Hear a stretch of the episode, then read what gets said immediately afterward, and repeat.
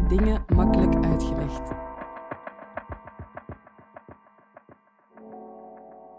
Dit is de podcast van Moeilijke dingen makkelijk uitgelegd. Wie de wereld wilt verbeteren, moet wel begrijpen hoe die werkt. Daarom laten we in Moeilijke dingen makkelijk uitgelegd een expert 10 minuten aan het woord om een complex onderwerp uit te leggen. Deze aflevering werd opgenomen op de openingsdag van de Week van het Nederlands. Annelies Spiesens geeft een antwoord op de vraag: moeten vertalingen trouw zijn? Een vertaling moet trouw zijn. Dat hoor ik heel vaak. Niet alleen van uh, vrienden of kennissen met wie ik praat over vertalen, uh, maar ook van studenten uh, en van mensen die professioneel met literatuur en vertaling bezig zijn. Nu, ik ontken niet dat het in bepaalde gevallen wenselijk kan zijn dat een vertaling trouw is. Maar ehm, mij heeft het altijd verbaasd hoe een concept uit het domein van de moraal, want dat is het tenslotte, het vertaaldiscours is binnengesukkeld. En ik waag mij daarom vandaag aan een korte denkoefening. En daarin moet ik het hebben over metaforen. Metaforen over vertalen en vertalen als metafoor. Nu, metaforen zijn bijzonder nuttige instrumenten om, om complexe fenomenen aanschouwelijk te maken. En uh, binnen de, de, onderzoek binnen de cognitieve linguïstiek heeft ook aangetoond dat het inderdaad erg krachtige conceptuele structuren zijn die ons denken, ons zien en ons handelen beïnvloeden.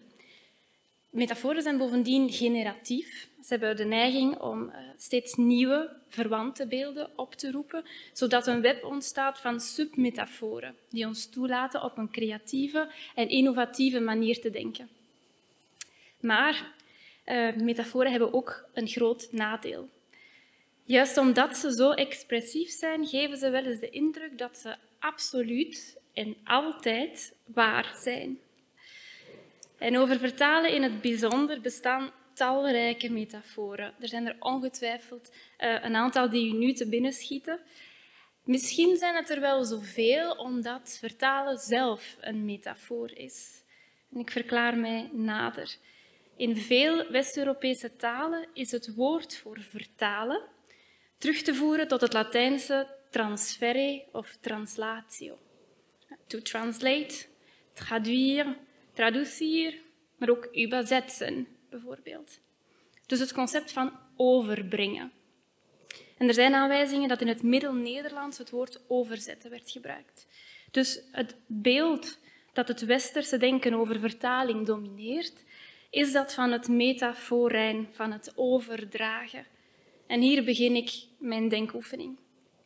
Vertaling is een proces waarbij je betekenis overdraagt van de ene taal naar de andere. Dat is metafoor 1.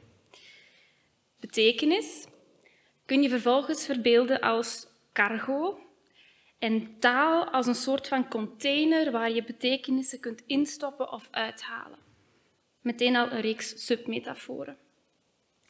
Het beeld van de overdracht is bovendien zeer ruimtelijk. Je kunt je makkelijk het begin en het eindpunt voorstellen, brontaal en doeltaal respectievelijk, bij uitbreiding broncultuur en doelcultuur, waarbij de bron de richting aangeeft en het proces stuurt. Dat is, uh, dat is cruciaal. Er is natuurlijk ook een chauffeur of een schipper die in de neutrale tussenruimte opereert en de lading uiteindelijk volledig intact aflevert op de plaats van bestemming. Eugene Naida, een uh, pionier van de vertaalwetenschap, een Amerikaans vertaalwetenschapper, suggereerde in de jaren 50 het beeld van de twee oevers. De vertaler zoekt een doorwaadbare plek in de rivier waar de betekenisoverdracht zonder al te veel risico's kan plaatsvinden. Want al bij al is dat inderdaad een zeer delicate aangelegenheid, die betekenisoverdracht. Het mag dan ook niet verbazen dat de figuur van de vertaler in de loop van de geschiedenis veel bewondering heeft opgewekt. Denk maar aan de metafoor van de vertaler als bruggenbouwer, die twee oevers verbindt. Maar de bijzondere positie van de vertaler heeft altijd ook angst ingeboezemd en een diep wantrouwen gevoed. In situaties waarbij conflicten moeten worden bemiddeld of handelsakkoorden gesloten, is vertrouwen in de vertaler natuurlijk essentieel en tegelijkertijd heel precair. Als je de taal van je partner of je vijand niet beheerst, ben je volledig afhankelijk van de mensen die dat wel doen. Is die vertaler wel een bona fide tussenpersoon die de originele betekenis keurig doorgeeft? Of worden wij hier voor het lapje gehouden? Traduttore, traditore. Zo is het. De vertaler is een verrader. Een interessante variant op dat thema van uh, verraad en trouw is de uitdrukking les belles infidèles. Die dateert uit de 17e eeuw, toen met name Franse vertalers zonder enige gêne klassieke teksten volledig gingen herschrijven, opdat ze in de smaak zouden vallen aan het Hof van Versailles. Critici uit die tijd noemden dat soort vertalingen dus les belles infidèles. Elegant, maar niet getrouw. Dat klinkt wel heel catchy natuurlijk, met dat rijm uh, in het Frans. We zeggen belles infidèles, niet beau, want het is une traduction. En als je dan, zoals je dat in het Frans kunt doen, de adjectieven zelfstandig gebruikt, dus gewoon met een bepaald lidwoord ervoor, heb je het niet alleen over vertalingen, maar ook over overspelige vrouwen. En daar komt de metaforiek. Het origineel is mannelijk, de vertaling is vrouwelijk. Zoals men trouw verwacht van de voorbeeldige echtgenote, wordt ook de vertaler geacht niet te wijken van de zijde van de auteur. In het huwelijk zijn trouw en kuisheid een garantie voor vaderschap. Het kind kan toch geen bastaard zijn. En ik blijf nog even bij die Franse uitdrukking, want gezien uit welke tijd die stamt, suggereert de metaforiek bovendien dat er een kwalitatief verschil bestaat tussen schrijven en vertalen. Originaliteit, creativiteit en auteurschap worden omschreven in termen van vaderschap en autoriteit, terwijl het reproductieve, secundaire, afgeleide werk vrouwelijk is van aard. En dat brengt ons bij een nieuwe metafoor. Het origineel is de waarheid en de wet, de vertaling slechts een kopie.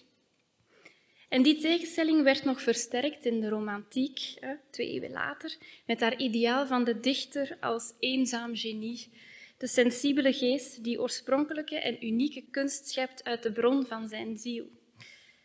Vertaling kan dan niet meer zijn dan een flauw afkooksel. Een vioolsonate die op een piano wordt uitgevoerd. Of nog, ook een goeie, gipsen replica van een marmeren beeldhouwwerk. Altijd een afknapper natuurlijk. Het is misschien daardoor, dus door die perceptie van vertaling als een verraderlijk en minderwaardig iets, een idee dat dus zeer hardnekkig is gebleken, het is misschien daardoor dat wij soms vergeten, of willen vergeten, dat wij zo afhankelijk zijn van vertaling. Nieuwsberichten uit Wit-Rusland, ondertitels van Scandinavische series, de handleiding van onze nieuwe printer, ik geef maar een paar voorbeelden, maar ook natuurlijk Sophocles, Dostoevsky, Murakami, Allende, Lindgren lezen wij in onze contraien doorgaans in vertaling, toch? Maar het liefst beelden wij ons een rechtstreekse lijn in tussen de auteur en onszelf. En wat blijkt, zelfs geoefende lezers zijn in staat bijzonder naïef te zijn.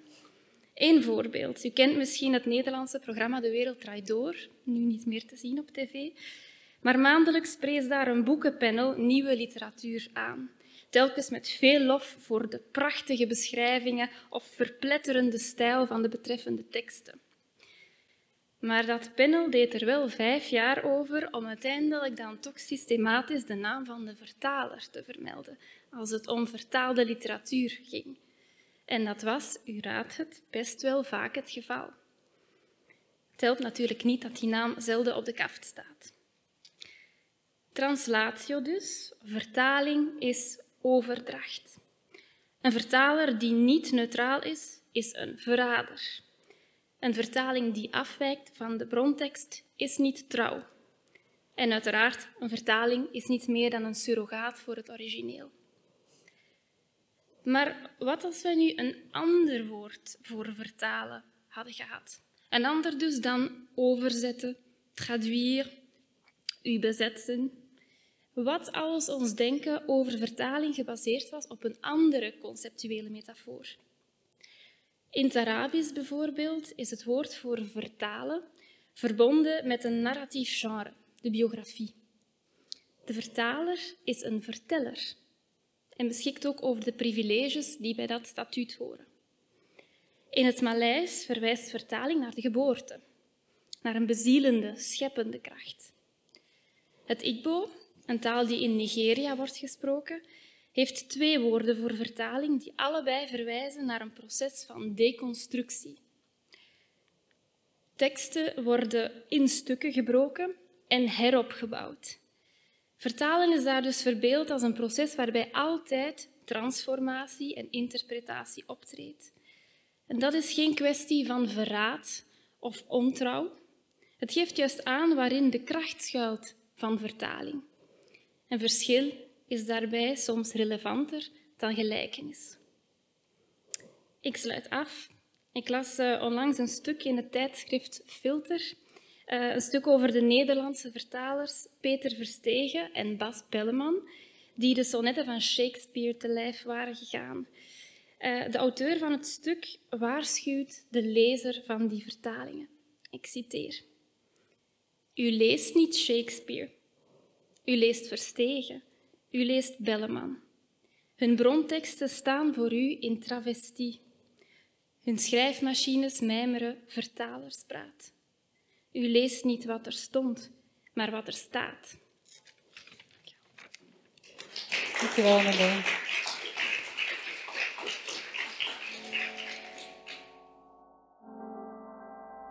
Je luisterde naar moeilijke dingen makkelijk uitgelegd.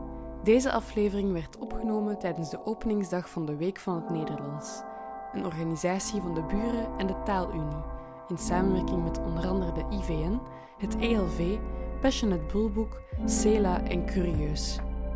Concept door Selma Fransen. Montage door Jelena Schmitz.